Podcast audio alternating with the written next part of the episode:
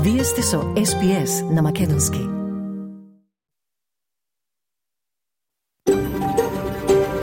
SBS, a world of difference. You're with SBS Macedonian on mobile, online and on radio. Вие сте со SPS на Македонски на мобилен, преку интернет и на радио.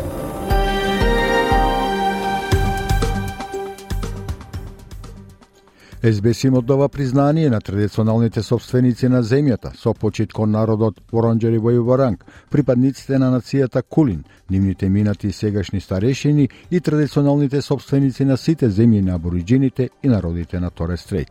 Добар ден, денес петок, 8 септември, со вас ќе биде Васе Коцев. А денес, 8 септември, Македонија го слави Денот на независноста. Денот кога пред 32 години на референдум граѓаните на Македонија се изјаснија дека сакаат своја самостојна и независна држава. Нека честит Денот на независноста.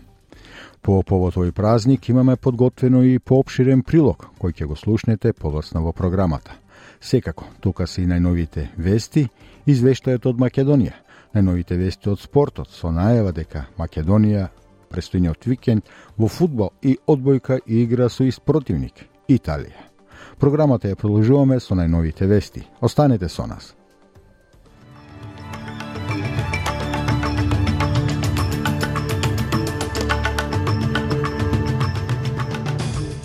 Од денешниот билтен вести издвојуваме. Либералната сенаторка Мари Спейн објави дека се пензионира. Лидерот на опозицијата вели дека коалицијата нема да отстапи од неизината нето нула посветеност на емисија на заштитни, штетни гасови. И македонскиот председател Стево Пендаровски го подпиша законот за изменување на кривичниот законник со кој се предвидени помали затворски казни за функционерите. Слушајте не. Либералната сенаторка Марис Пейн најави дека ќе се повлече од федералната политика. Во изјавата сенаторката Пейн откри дека ќе го напушти парламентот на 30 септември. Водачот на опозицијскиот сенат Саймон Бирминген и се заблагодари на сенаторката Пейн за нејзиниот придонес во својата работа.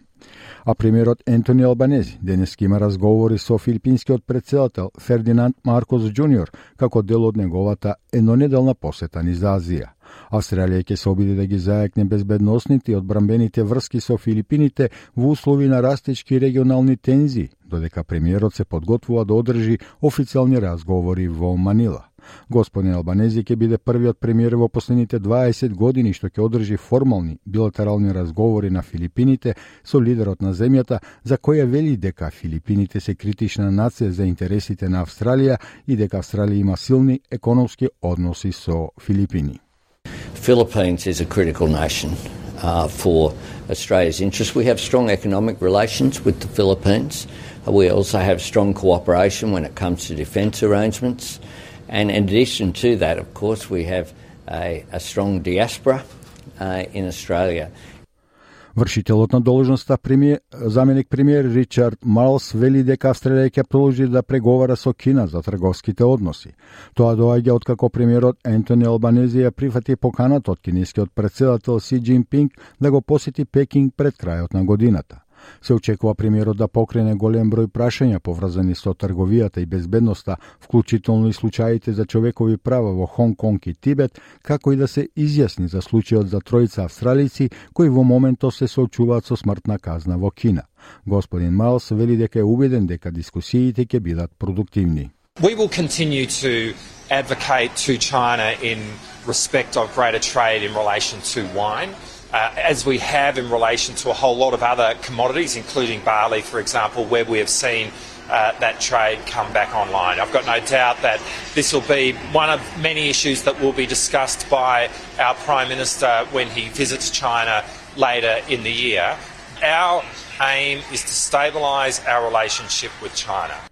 Министерката за транспорт Кетрин Кинг го доведе во прашање тврдењето на премиерот Ентони Албанези дека не знал за блокирањето на Катар Airways за време на неговиот телефонски разговор на 13 јули со шефицата на Virgin Джейн Хрдличка. Господја Кинг постојано одби да каже на парламентот кога го известила премиерот за незината одлука од 10 јули, само велејки дека тоа било пред медиумите првпат да ја пријават на 18 јули. Одговорот ја остава отворена можноста господин Албанези или неговата канцеларија да биле известени за одлуката на Катар три дена пред неговиот разговор со господја Хрдличка и покрај неговото инсистирање на спротивното. Министерот за земјоделство Мареј Ват изјави за Sky News дека веруват и премиерот не бил свесен за одлуката на господја Кинг. Well, that's what he's told the parliament, and I've got no reason to think anything anything different. I mean, what he has said is that he he did speak to the CEO of Virgin on July the 13th, um, and that and Catherine has made has uh, advised that he was aware of this decision before, or his office was aware of the decision before she made it public on the 18th of July. I don't think that those dates necessarily mean that there's some vast conspiracy here. So I, I absolutely back him. Опозицијскиот лидер Питер Датон ја отфрли идејата дека коалицијата ќе отстапи од нејзината посветеност да постигне нето нула емисии на штетни гасови до 2050 година. Тоа доаѓа по коментарите на пратеникот на Nations Барнаби Джойс, кој рече дека проценетиот трошок од нето нула е целосно неодржлив. Водачот на Националната партија Дейвид Литлпрау се соочи со притисок да ја отфрли својата посветеност на нето нулта емисија на штетни гасови на Федералната конференција на Националната партија. Предлогот поднесен од Федералниот електоратски совет на Барнаби Джойс во Нью Ингланд предложи Австралија да усвои политика која ќе ги намали емисиите на јаглерод диоксид во Австралија во соработка со остатокот од светот. Господин Датон изјави за ABC дека коалицијата има силна поддршка за политиката на нето нула штетни емисии на гасови. It's a policy that we took to the last election. I've recommitted to it. We won't be departing from it. And uh, I, I believe very strongly we need to have a proper debate about how we credibly reduce emissions in this country because as we've seen, the Labor government in New South Wales has signed up to the extension of coal-fired uh, power in New South Wales. Uh, we've got South Australia, who is very precarious in terms of their supply. Manufacturers there are talking about offshoring and just re-importing the product from somewhere like Malaysia, where uh, there will be higher emissions. Првиот човек на игрите на Комонвелтот во Австралија призна дека организацијата допрва треба да води разговори со други држави и територии за да биде домаќин на настанот во 2026 година, откако Викторија ја повлече својата кандидатура. Главниот извршен директор на Commonwealth Games Australia Крек Филипс се појави пред истрага на Сенатот за одлуката на владата на Викторија да ги откаже игрите во 2026 година. Тој вели дека организацијата ги разгледува сите опции, вклучувајќи и странски домакини. Currently, CGA and CGFP and CGF are working together in terms of um, resolving between us around the settlement uh, payment and how that's applied. And, then also we're now working towards developing a model effectively that will apply Активистите кои се залагаат за домородниот глас во парламентот ги охрабрија сите австралијци да се запишат за гласање. Вршителот на должноста премиер Ричард Марлс и се придржи на независната пратеничка Кајлеа Тинг на железничката станица во Сидни, додека водачот на зелените Адам Бент со помошникот министер за здравство Гет Керни водеше кампања во Мелбурн. Портпаролката на кампањата ЕС-23 Клои Вајтен вели дека над 35.000 волонтери ќе излезат и ќе зборуваат со јавноста до референдумот на 14 октомври. So if uh, you are one of those people who uh, may not have made up your mind yet or may need some more information, please come and talk to one of our volunteers, uh, engage with our campaign uh, and be a part of what will be a unifying moment for Australians. А се опанни информации за референдумот можете да најдете ако го посетите порталот на SBS Voice референдум на www.sbs.com.au коса црта Voice референдум.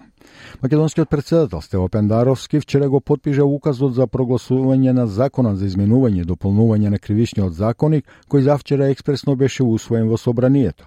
Со овие измени се предвидува намалувањето на казните за злоупотреба на функцијата и за злосторничко криминално здружување. Во меѓувреме, антикорупцијската комисија обвинува дека измените на кривичниот законник го зголемуваат ризикот од политичкиот пазар и трговија со влијание. Председателката Билјана Ивановска вели дека избунета со експресната постапка во парламентот. Таа за новинарите вчера ја даде следнава забелешка. Сметаме дека начинот на донесување на измените и дополнувањата на истиот а, не овозможија не овозможија јавна дебата не овозможија анализа на последиците од истиот и сето тоа за нас создава сомнеш и висок ризик од политички пазарења и а, трговија со влијание. Соединетите Американски држави, Израел и Европската Унија го осудија палестинскиот председател Махмуд Абас за антисемитски говор. За време на неговиот говор, одржан кон крајот на минатиот месец пред Револуционерниот совет на неговото движење Фатах, председателот Абас рече дека Адолф Хитлер наредил масовни убиства на евреите поради нивната, цитирам, обштествена улога, затворен цитат, како лихвари, а не поради непријателство кон јудеизмот. عندما قالوا ان هتلر قتل اليهود لانهم يهود This has been explained by many Jewish authors. When they said that Hitler killed the Jews for being Jews and that Europe hates the Jews because they were Jews, no. It was clearly explained that they fought the Jews because of their social role and not their religion. Амбасадорот на Израел во Обединетите нации го обвини Абас за чист антисемитизам, додека дипломатската служба на Европската Унија вели дека коментарите се, цитирам, лажни и крајно погрешни. Спасувачки екипи од цела Европа се обидуваат да спасат истражувачот сад кој е заробен под влезот на пештера во Турција. 40 годишниот американски истражувач на пештери Марк Дики доживел крварење од стомакот на околу 1 километар под површината на земјата. Дики има крварење и не може сам да ја напушти пештерата. Хрватскиот спасител и раководител на Европската асоциација на спасувачи од пештери, Динко Новосел, вели дека ќе биде предизвик да се извлече. This is very complex cave rescue operation. I must say, still it's not over, and we cannot say that it's successful. When we get the victim out of the cave, and uh, when he was uh, sent to hospital, then we can say that the, we have a successful care rescue operation. But till now, there is no case uh, in the world where we have the, the, the biggest care rescue operations. А од најновата курсна листа денес еден австралиски долар се менува за 0,59 евра, 0,63 американски долари и 36,40 македонски денари, додека еден американски долар се менува за 57,7 македонски денари, а 1 евро за 61,12 македонски денари. И за крај од вестите временската прогноза за поголемите градови во Австралија утре сабота 9 септември. Перт можни услови за дожд до 23 степени, Аделај делумно облачно до 15, Мелбурн повремени врнижи од дожд до 14 степени, Хобарт слаби врнижи со послаб ветер до 13 степени, Камбера утринска слана и делумно облачно до 13, Сиднеј сончево до 19 степени, Бризбен исто така сончево до 25, сончево и во Дарвин но до 36 степени, сончево и во Алис Спрингс со температура до 24 степени.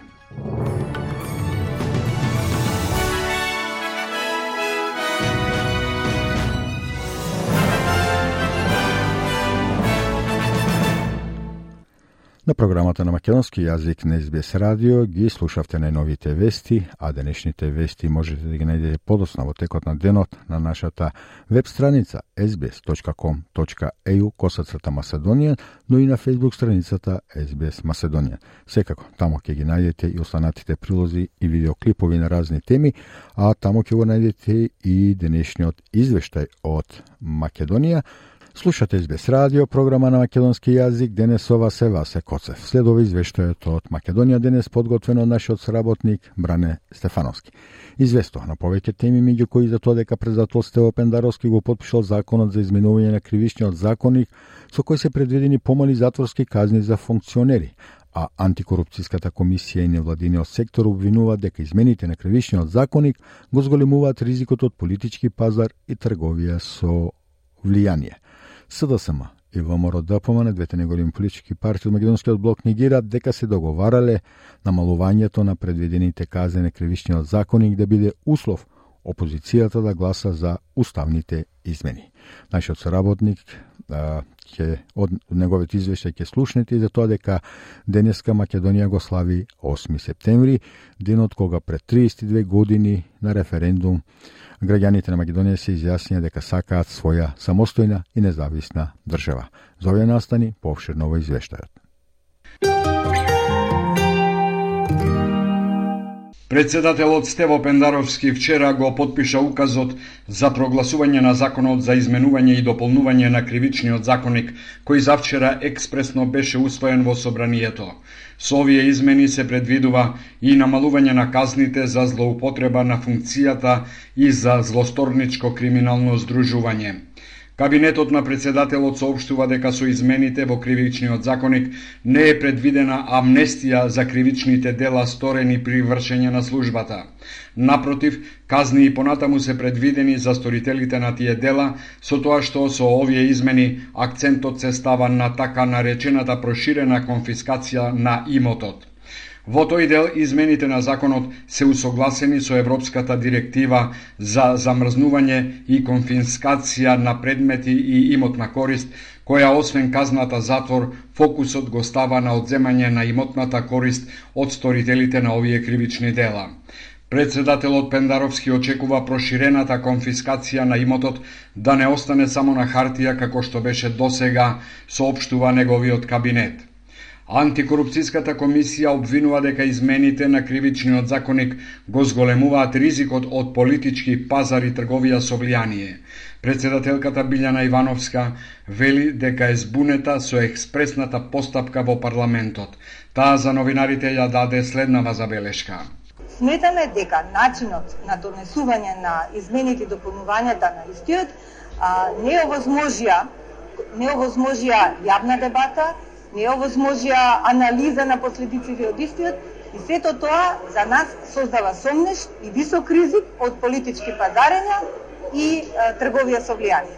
Не постои оправданост за носење на вакви измени, сметаат членовите на Институтот за демократија.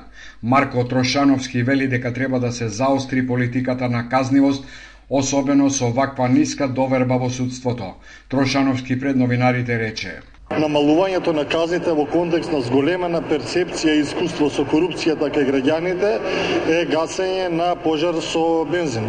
На санкци... политика на санкции треба да се заоштри и да се обесхрабрат што повеќе потенцијалните нели чинители на кривични дела, не обратно, така да тоа е вториот момент ја намалува ефикасноста на борбата против корупција. Професорот по кривично право пак Гордан Калајджиев смета дека не се постигнува ефект со строги и долги затворски казни, туку со редовни казни со сигурност дека до казната ќе дојде. Со затворски казни како од 19. век, како што вели Калајджиев, само се зголемуваат проблемите. Американската амбасада во Скопје допрва ќе ги разгледува измените на кривичниот законник. Во сообштението се вели, Не ги видовме измените на кривичниот законник неодамна донесени во парламентот. Нестрпливо очекуваме да ги разгледаме и се надеваме дека се усогласени со меѓународните стандарди и правните процеси, соопштува амбасадата на САД. ТВ24 повикувајќи се на своји извори вели дека 30% намалување на казните представува договор на власта и опозицијата која за возврат треба да гласа за уставните измени. ТВ24 тврди дека на оваа тема веќе имало комуникација меѓу високи партиски функционери на СДСМ и на ВМРО да ДПМНЕ намалување на казните на осудените за изборни нерегуларности и за настаните на 27 април е сериозна отстапка за која мора да се има гаранции дека или цела ВМРО да ДПМН или пак дел од пратениците ќе гласаат за уставните измени, тврди 24, повикувајќи се на извор вклучен во преговорите. Опозиционата партија пак тврди дека измените на кривичниот закон се донесени со цел власта да ги скрие своите криминали. Ели Панова на пресконференција рече. СДС и ДУИ вчера гласа за амнестија на своите криминали. Левица не гласаше против, им помогна, како и секогаш. СДС и ДУИ вчера гласа за амнестија на сите криминали кои ги прават во изминатите 6 години. Со измени во кривичниот закон се брише ставот 5 од членот 353, која санкционира злоупотребата на службената положба и овластување при вршење јавни набавки. Од сада сама вчера немаше појаснување која е целта на експресните измени и дали се направени со договор за уставни измени како што се сомнева јавноста. Официјално сада сама и ВМРО ДПМН негираат дека имало преговори за уставни измени и амнестија. Како трет дел од пакетот ќе биде широка влада која Ковачевски му ја понуди на Мицкоски уште на лидерската средба пролетоска. Основниот кривичен суд во Скопје ги осуди тројцата професори од економскиот факултет Бобек Шуклев и Славе Ристевски со затворски казни од 4 и 4,5 години, а Драган Денковски е осуден со условна казна од 2 години ако во следните 5 години не го повтори делото затоа што бил посредник. Имено професорите барале мито за преодна оценка, но и сексуални услуги од студентките. На професорот Бобек Шуклев како отежнителна околност било земено и тоа што навлегувал во интимната сфера на една од оштетените. Професорите добија и забрана за вршење професија во траење од 5 години. Денешната пресуда е втора за овој случај. Првата беше изречена 2020 година, со која Бобек Шуклев тогаш доби казна затвор од две години, Драги Јанев и Славе Ристевски беа осудени на две години и шест месеци затвор, а само демонстрантот Драган Денковски беше условно осуден со обвинение дека бил посредник меѓу студентите и професорите. Во 2021 година апелацијата го врати предметот на повторно судење. Драг Јанев пак, кого исто така судот го прогласи за виновен, почина додека траеше постапката. Предметот Еразмус беше отворен во јуни 2016 Денеска граѓаните на Македонија го слават 8 септември, денот кога тие пред 32 години на референдум се изјаснија дека сакаат самостојна и независна држава. По тој повод синоќа во Македонската филхармонија се одржа свечена академија на која премиерот Димитар Ковачевски не ја пропушти можноста да ја спомне актуелната политичка ситуација и уште еднаш да потенцира дека на Македонија евроинтеграцијата е необходна.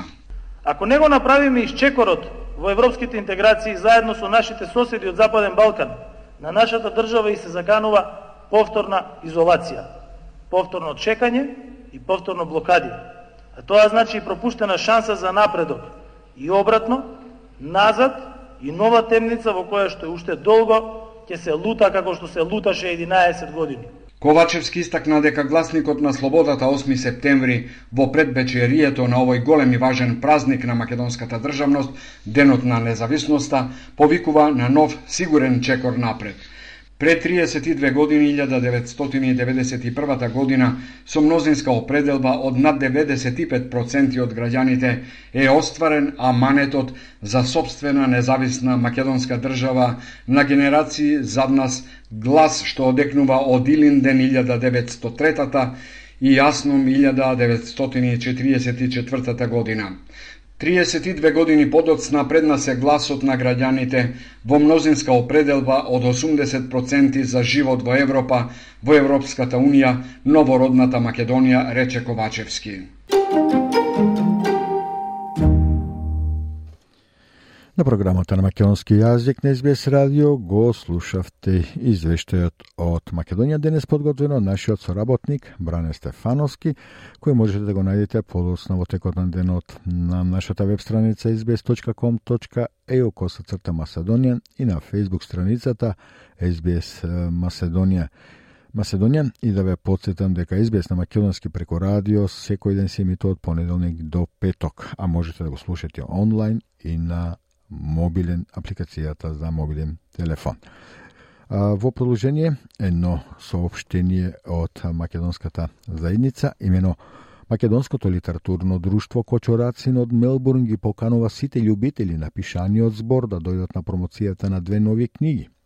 Расчаречени души македонски, збирка раскази од Нове Младеновски, за која промотор ќе биде Ордан Андреевски, како и збирката поезија – поетски мозаик од Гордана Димовска, а промотор на книгата ќе биде Дона Димовски Кантаровски. Промоцијата ќе се одржи во недела на 10 септември во библиотеката во Милпарк со почеток од 13 часот. Програмата на македонски јазик на Избес радио ја продолжуваме со прилог на една домашна австралијска тема. Имено истрага на Сенатот ја истражува загриженоста за потрес на мозокот во професионалниот спорт и спортот во заедницата. Конечниот извештај повика на национална стратегија и владата да преземе поголема улога во решавањето на оваа прашање. Прилогот на Дебора Грорк и Том Стейнер за SBS News на македонски го подготви колешката Маргарита Василева.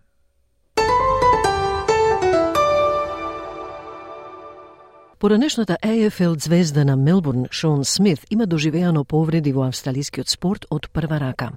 Тој доби отплата од 1,4 милиони долари за штета предизвикана од удари со глава за време на неговата 11 годишна кариера и вели дека потресот на мозокот може да има трајни последици. Смит вели го има видено влијанието врз својот живот и се обидува да го подобри своето здравје. Меѓутоа, има многу други кои буквално се скршени човечки суштества од ваквиот вид на повреда. I've seen the impact personally uh, in my own life. Um, doing my best to to make myself better, but oh, there's there's so many guys I see who are literally they're broken they're broken human beings. Доктор Адриан Коен е истражувач на потрес на мозокот и вели дека врската помеѓу контактните спортови и потенцијалното долгорочно оштетување на мозокот е широко прифатена. Секој удар нанесува штета, вели доктор Коен, и колку повеќе потреси има играчот, толку е поголема веројатноста за краткорочни, среднорочни и долгорочни проблеми и додава дека ова не е тривијална болест. Every blow is doing you damage and the more you have, the more likely you are to get short, medium, and long term problems. This is not a trivial illness. Извештајот на Сенатот сега е објавен по истрагата за степенот на повреди на главата во спортските дисциплини на Австралија и што се прави за нив. Сенаторката на партијата на Зелените, Джанет Райс, беше дел од истрагата и вели дека се изработи на вистина значаен извештај кој покажува дека заедницата како целина, особено владата и спортските организации, треба да направат многу повеќе за да се справи со потрес на мозокот во Австралија. The committee felt that it was a really important issue to do some um, research into, and we, I think, have produced a landmark report that really shows that the community as a whole, but particularly the government and sporting organisations, really need to step up and to be doing much more to be dealing with concussion in Australia. Сенаторката Райс вели дека дале низа препораки за справување со повреди на главата во заедницата и во елитниот спорт. Critically, we feel there needs to be a national strategy to really pull together what needs to happen to prevent concussion and then to deal with the impacts of it and to have some real, some national protocols about return to play from people who have been impacted by concussion. And then how to care for people who are suffering um, sort of from concussion from their sporting injuries. Сенаторката Райс вели дека треба да постои национална стратегија за да се утврди што треба да се направи за да се спречи потресот на мозокот и влијанието од тоа.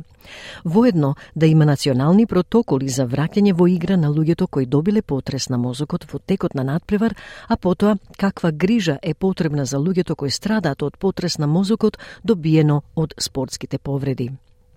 ЕФЛ ги поздрави наодите од извештајот и вели дека ќе разгледа што повеќе може да се направи. Поранешниот менаџер, а сега поборник за потрес на мозокот, Пејтер Джес, вели дека подобрувањата се чекаат подолго време. Report um, in our regard wasn't um, strong enough for us. Um, that's only because we are seeing it at the back end. Um, and a lot of these Senate inquiries tend not to rock the boat. But if we're going to have serious change, then we've got to be serious about you know the issues that we want, and they've got to be funded. What we see at the moment is that you know the AFL create this damage, and then they make it a societal issue rather than um, you know the issue of um, you know the sport itself. Во меѓувреме, вели доктор Кроун, сите ние треба да ги преиспитаме нашите ставови за повредите на главата во спортот. People often think of a concussion as a big buffy footballer missing a week of sport and maybe some money and that's not such a big deal. Let me tell you, it is a big deal. It's a big deal if you're a kid, if you're 14 or 15 and your brain is still developing. It's a big deal if we don't recognise the concussion and send you back out to a game or to training where you sustain another blow to your head. Тој вели луѓето често мислат дека потрес на мозокот кај физички развиен фудбалер значи една недела одсуство од спортот и дека не е толку голема работа. Доктор Коен вели, состојбата е голема работа. Голема работа е ако сте дете, ако имате 14 или 15 години и вашиот мозок се уште се развива. Голема работа е, вели тој, ако не се диагнозира повредата како потрес на мозокот и играчот биде вратен на теренот или на тренинг, каде што може да добие уште еден удар во главата. За Шон Смит, целта не е да ги спречи луѓето да играат во AFL. – Тој вели дека станува збор за безбедно излегување на теренот за играчите да не мора да го напуштат спортот пред да бидат подготвени. I mean, there's, there's current day players who are in their 20s who have to give the game away. These are all very, very young men who have had to stop the game because their brains have been mistreated. Шон Смит вели има играчи кои се во своите 20 години и кои мораат да се откажат од ЕФЛ. Сите овие се многу млади луѓе кои мораат да ја прекинат играта бидејќи нивниот мозок бил повреден. Од прилогот на Дебра Гроаки, Том Стейна за SBS News.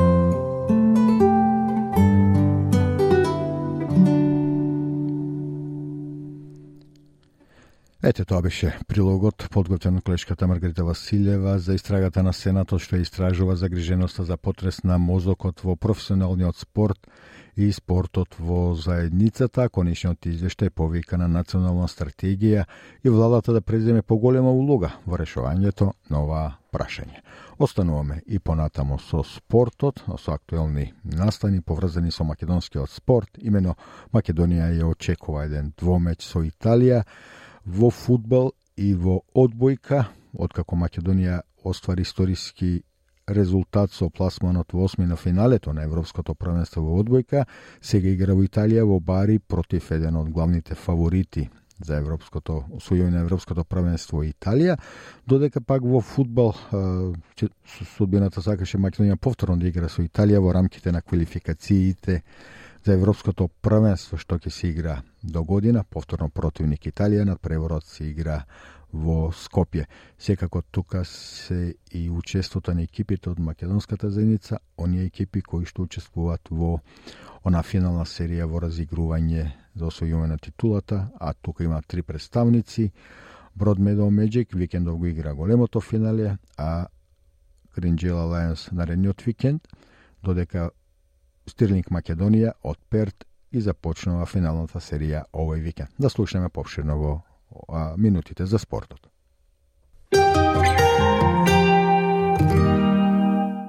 Македонската одбојкарска репрезентација направи историски успех со пласманот во осми на финалето на Европското првенство, во кое да подсетиме и Македонија беше домакин на една од групите – Македонската репрезентација утре настапот го продолжува во Бари, каде ќе игра со домакинот Италија.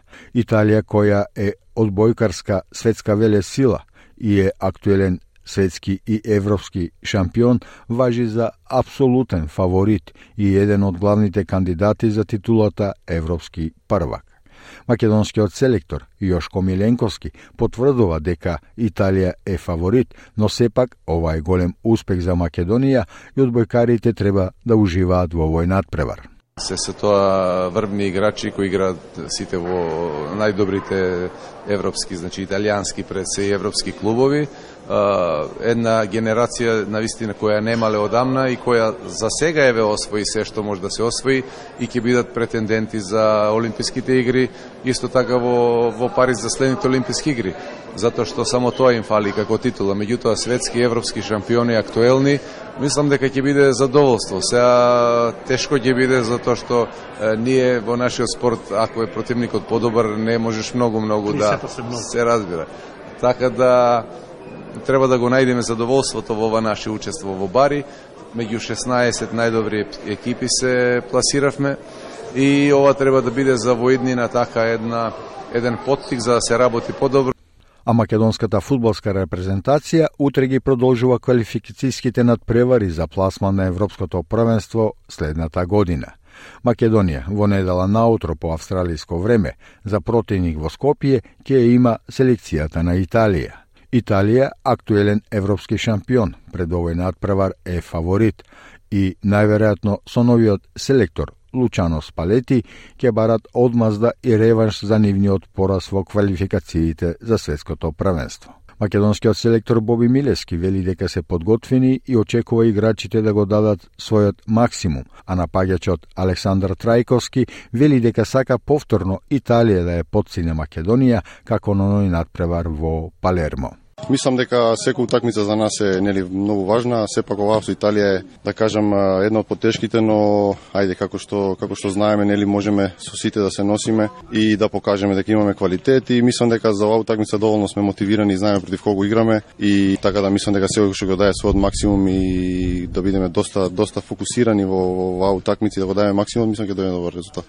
На некој начин може ќе сакаат да се реваншираат, јас се пак ќе кажам сакам да не подценат, може и да подценија тогаш во Палермо и мислам дека дека овој пат може нема да биде исто, али како што како што кажав, само треба да го даеме нашиот максимум, ете покажавме дека можеме, зашто да не можеме и на домашен терен да да ги изненадиме. Во групата С, каде што е Македонија, во вториот надпревар играат Украина и Англија. На табелата води Англија со 12 бодови од 4 надпревари. Украина е на второто место со 6 бодови од 3 надпревари, додека Италија е трета со 3 бода од 2 надпревари. Македонија во моментов е на четвртото место со 3 бода од 3 надпревари, а Малта е на последното место без бодови. На 13 септември Македонија гостува кај Малта, а Италија игра со Украина а во фудбалските лиги низ Австралија се играат финалните серии. Во северниот регион на Нов Јужен Вилс големото финале се игра утре а представник е екипата на Бродмедо Меджик од македонската заедница, која надпреварот, односно големото финале го игра утре со почеток од 18 часот, а противник е екипата на Ламтон Джафас. Голем успех на Бродмедо Меджик повторно игра во едно големо финале со шанса да го освои шампионскиот пехар, инако Бродмедо Меджик во регуларниот дел од сезоната заврши на второто место. Во премиер лигата на Западна Австралија утре започнува финалната серија. Стирлинг Македонија која во регуларниот дел од правенството заврши на второто место, својот прв надпревар од финалната серија го игра против првиот Перт Ред Старт. Средбата се игра утре со почеток од 17 часот. Во Илавара премиер лигата, Кринджила Лајонс, односно првиот тим на Кринджила Лајонс е веќе во големото финале, го чека противникот од дуелот кој се игра утре помеѓу Албион Парк White Eagles и Конистон. Но затоа пак јуниорскиот тим на Кринджила Лајонс во недела игра во големото финале, а противник е Коримал Рейнджерс. Слушате избес радио програма на македонски јазик. Денес со вас е Васе Коцев. Македонија денес одбележува 32 години независност од Југословенската федерација, што уследи по успешниот референдум на 8 септември 1991 година, на кој македонските граѓани со убедливо мнозинство се изјаснија за самостојна и соверена држава. Денот на независноста е национален празник во Македонија, а се празнува и ширум светот каде што има македонци. За денес подготвивме еден попширен прилог со еден хронолошки приказ на настаните како се одвиваше независниот процесот на независност на Македонија од Југословенската федерација. Да го слушнеме.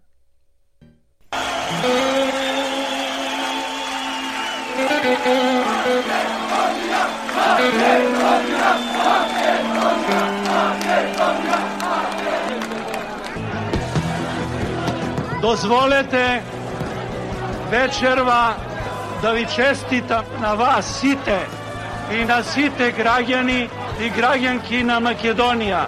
Слободна, суверена и самостојна Македонија.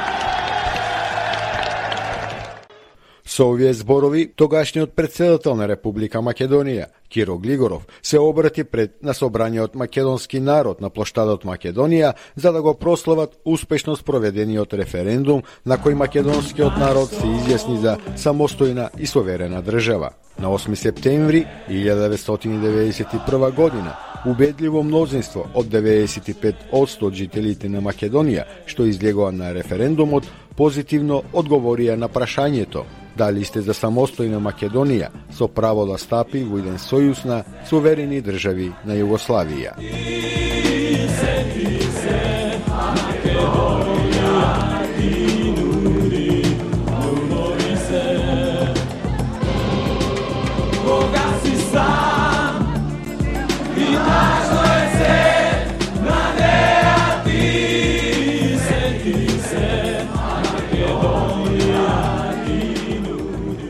Референдумот во Македонија се одржа во предвечерието на распадот на Социјалистичка Федеративна Република Југославија.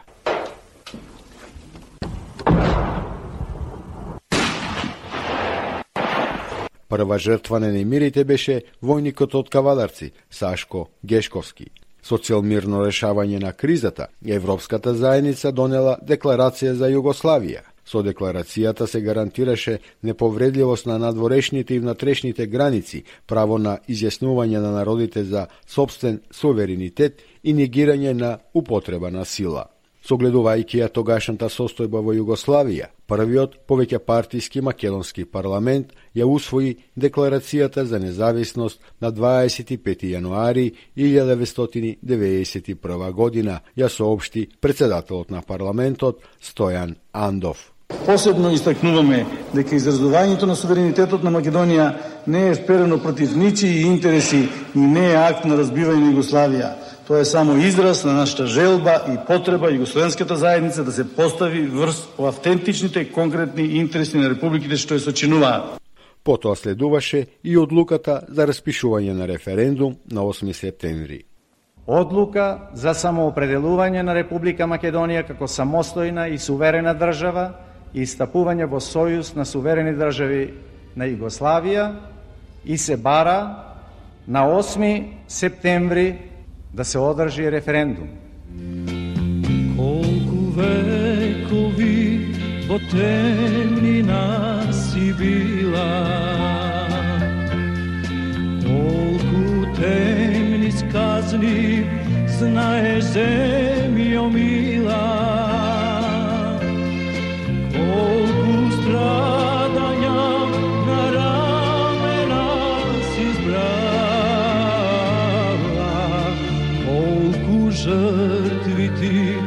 за слобода си дала.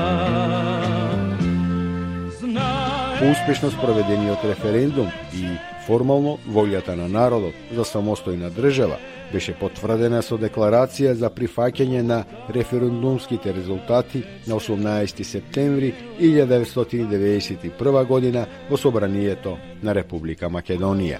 По референдумот, следен важен чекор во зацврстувањето на државата беше усвојувањето на новиот устав на 17 ноември 1991 година.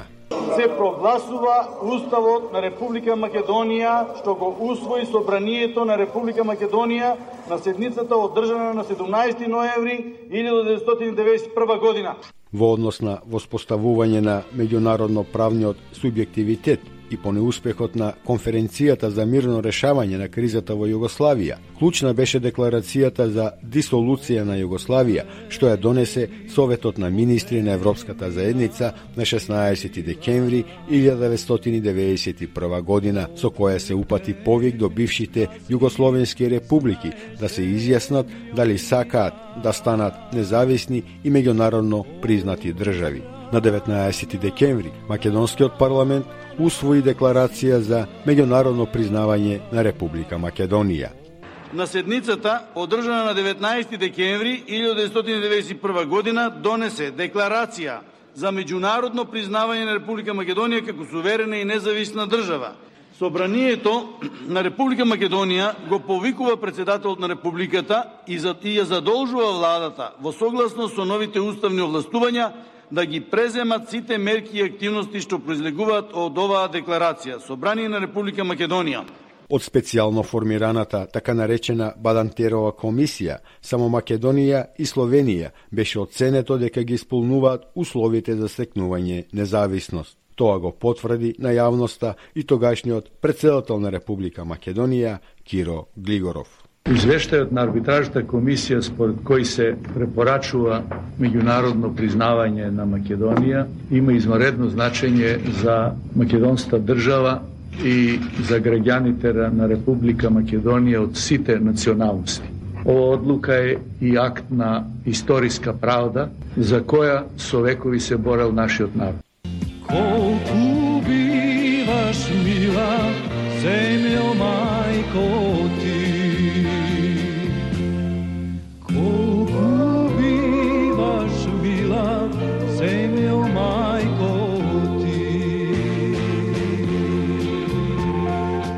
Меѓутоа, Европската заедница ги призна само Словенија и Хрватска во јануари 1992 година.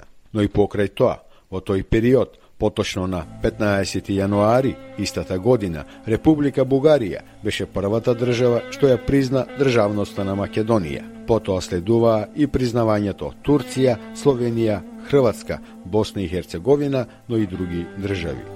Во меѓувреме, Македонија продолжи да ја гради својата држава. Експертската влада финансиски ја осамостои Македонија, откако премиерот Никола Клюсев ја имаше честа да го објави воведувањето на новата македонска парична единица денар. Со предложениот закон за парична единица, Република Македонија воведува собствена парична единица што ќе го носи името денар. По тешките и мачни преговори и тогашната ЈНА се повлече од Македонија, но сејки се со себе. Генералот Митре Арсовски му поднесе рапорт на председателот Бигоров за штотоку формираната армија на Република Македонија. Господине председателе, во касарната на армијата Република Македонија се е спремно за давање на свечна област на првата генерација регрути на армијата Република Македонија. Војници и старешини Здраво! Здраво! Да живе суверена и независна Република Македонија и нејзината армија. Македонската фудбалска репрезентација пак против Словенија го одигра и првиот официјален надпревар, победувајќи со 4 спрема 1 меѓународно правниот субјективитет на државата дефинитивно беше потврден на 8 април 1993 година, кога со акламација во Генералното собрание на Обединетите нации, Македонија беше примена за 181 полноправна членка на светската организација. Пред Генералното собрание се обрати и председателот Глигоров. Mr. President, distinguished delegates, ladies and gentlemen, at this solemn moment I'm happy and excited to express the gratitude for the support expressed by the admi admission of the Republic of Macedonia as an equal member of the United Nations organizations. On behalf of the people and the government of the Republic of Macedonia. Поради противењето и притисоците од Грција, која не го прифаќа уставното име, Македонија во Обединетите нации се зачлени под привремената референца поранешна Југословенска република Македонија. Низ 32 годишното самостојно обстојување, Македонија помина низ низа проблеми и тешкоти, со подеми и падови, со успеси и неуспеси во натрешната и надворешната политика – економската нестабилност и инфлација на почетокот на 90-тите години од минатиот век, грчкото ембарго, атентатот врз председателот Киро Глигоров, косовската криза и конфликтот во 2001 година кој резултираше со подпишување на Охридскиот рамковен договор, се настани кои на некој начин го забавија патот на младата македонска држава уште на самиот почеток. Потоа следуваше и авионската несреќа во која загина председателот Борис Трајковски. Скандалот со масовното прислушкување во 2015 година, кој земјата ја втурна во голема политичка криза и заврши со немили и крвави сцени во Македонското собрание. Спорот земето со Грција по долгогодишни разговори се реши под покровителство на Обединетите нации во јуни 2018 година со подпишување на договорот во Преспа. Македонија се обврза да го промени името со што беше одблокиран патот ко евроатлантските интеграции, односно кон НАТО и Европската Унија. На 27 март 2020 година Македонија стана 30 членка на НАТО. По 2021 година, по 20 години, се спроведе попис на населението во Македонија, а македонската фудбалска репрезентација за прв пат во својата историја настапи на едно европско првенство. Иако 16 години е земја кандидат, а во 2009 година ја доби и првата препорака за почеток на пристапните преговори со Европската Унија. Евроинтеграцијата, која предходно долго беше блокирана од Грција, сега е попрачувано од Бугарија и покрај подпишаниот договор за пријателство и добрососедство. Поред договорот, формирана е и заедничка експертска комисија, која треба да постигне согласност за историографските факти и документи кои се однесуваат на заеднички историски настани и личности. Според договорената преговарачка рамка, најавени се нови уставни измени и внесување на бугарите, но и други народи во уставот, процес кој доправа треба да се реши. И покрај сите пречки, Македонија останува на европскиот пат, очекува решение за недоразбирањата и исполнување на стратешките цели, членство во Европската Унија, за зацрстување на демократијата и развој на економски план. Ете, почитувани слушатели, тоа беше прилогот посветен на независноста на Македонија, 32 години независност подржаниот успешен референдум на 8 септември 1991 година. Денес со вас беше Васе Коцев. Ви благодарам за вниманието, ви посакувам пријатно попладне, пријатен викенд и за крај ве оставам со песната од Никола Девидовски, која се вика Земјо моја. Уште еднаш благодарам и пријатно попладне. Стиснете, ми се допаѓа, споделете, коментирајте. Следете ја SPS на Македонски на Facebook.